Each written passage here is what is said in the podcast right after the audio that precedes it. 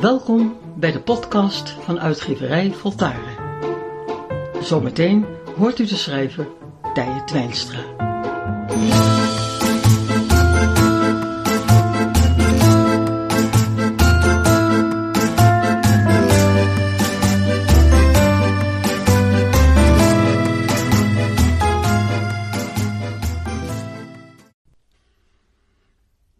Tijdens het afspelen van een nieuwe aflevering voor de podcast hoorde ik bij het terugluisteren plotseling een vreemde stem.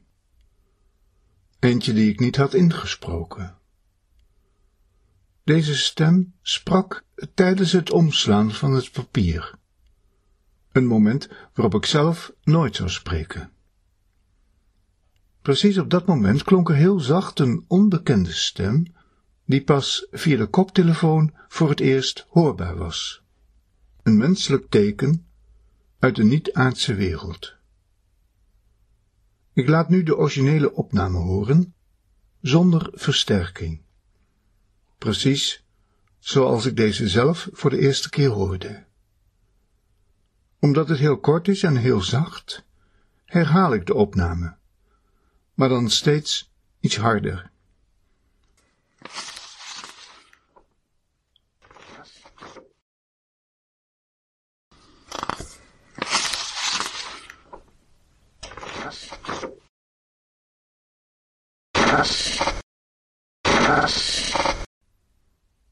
De stem klinkt duidelijk menselijk.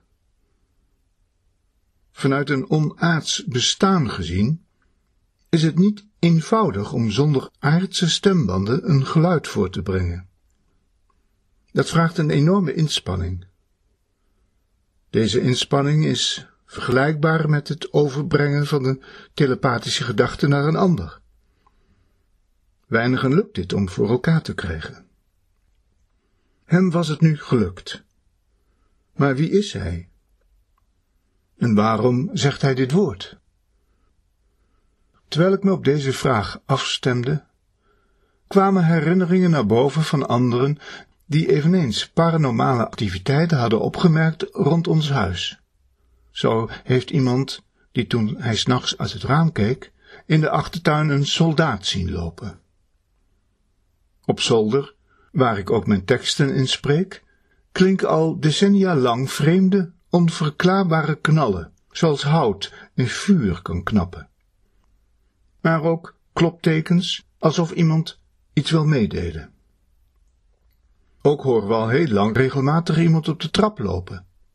En heb ik een keer een zwarte schaduw naast mijn bed zien staan. Griezelig als het nu mag klinken, op het moment zelf was het dit niet. Al deze verschijnselen hadden niets bedreigends. Het was meer een waarnemen ervan. Is de stem van deze man de veroorzaker van al deze verschijnselen? Dan is het mogelijk dat hij een soldaat uit de Tweede Wereldoorlog is, die op deze plaats is gestorven. Waarschijnlijk tijdens een zeer emotionele actie, waardoor hij nog niet weet dat hij gestorven is en in een eindeloze herhaling de laatste momenten herbeleeft.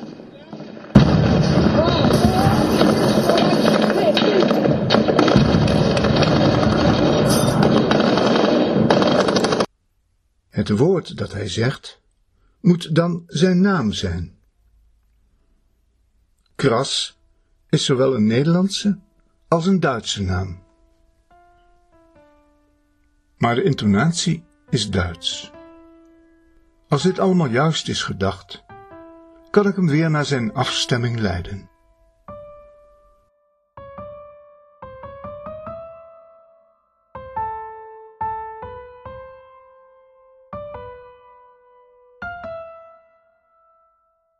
Inmiddels heb ik hem zowel in het Nederlands als in het Duits gezegd dat hij gestorven is, dat de oorlog al meer dan 75 jaar is afgelopen en dat hij verder moet gaan. Dat er een andere wereld op hem wacht. Een wereld waarin hij verder kan groeien. Hier op aarde is er niets meer dat hem verder kan brengen. Sindsdien is het rustig. Ik hoop dat hij nu van zijn ellendige laatste momenten bevrijd is. Voor velen geldt dit als een sprookje of als iets griezeligs en onbekends.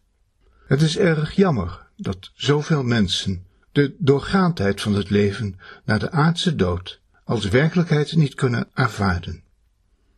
Erkenning van dit gegeven dat er geen dood bestaat, maakt het begrijpen van het leven veel inzichtelijker. De wezenlijke uitwerking van bijvoorbeeld euthanasie en abortus, of de wezenlijke betekenis van dood en reïncarnatie, zou in een veel logischer verband kunnen worden begrepen. Daarom wens ik iedereen veel mooie, niet angstige, maar inspirerende paranormale verschijnselen toe. Een explosie van onverklaarbaarheden, die de rigide en vaak angstige mens zal losmaken van zijn bevroren illusies, dat er maar één leven zou zijn, dat het brein gelijk is aan de identiteit van de mens, en dat we vooral niet moeten denken dat het leven een zin heeft, anders dan er maar het beste van te maken. Ik wens de wereld vele verrassingen toe, onverklaarbaarheden, verschijnselen en andere verbazingen, zodat alle vanzelfsprekende patronen en krampachtige denkverbanden eens lekker door elkaar worden geschud. Opdat de twijfel toeslaat, opdat andere vragen tot nieuwe ontdekkingen zullen leiden. Hoe bevrijdend zal dit zijn? Niet alleen voor herkras, maar voor al die anderen die nu nog als levend dood door hun dagen gaan.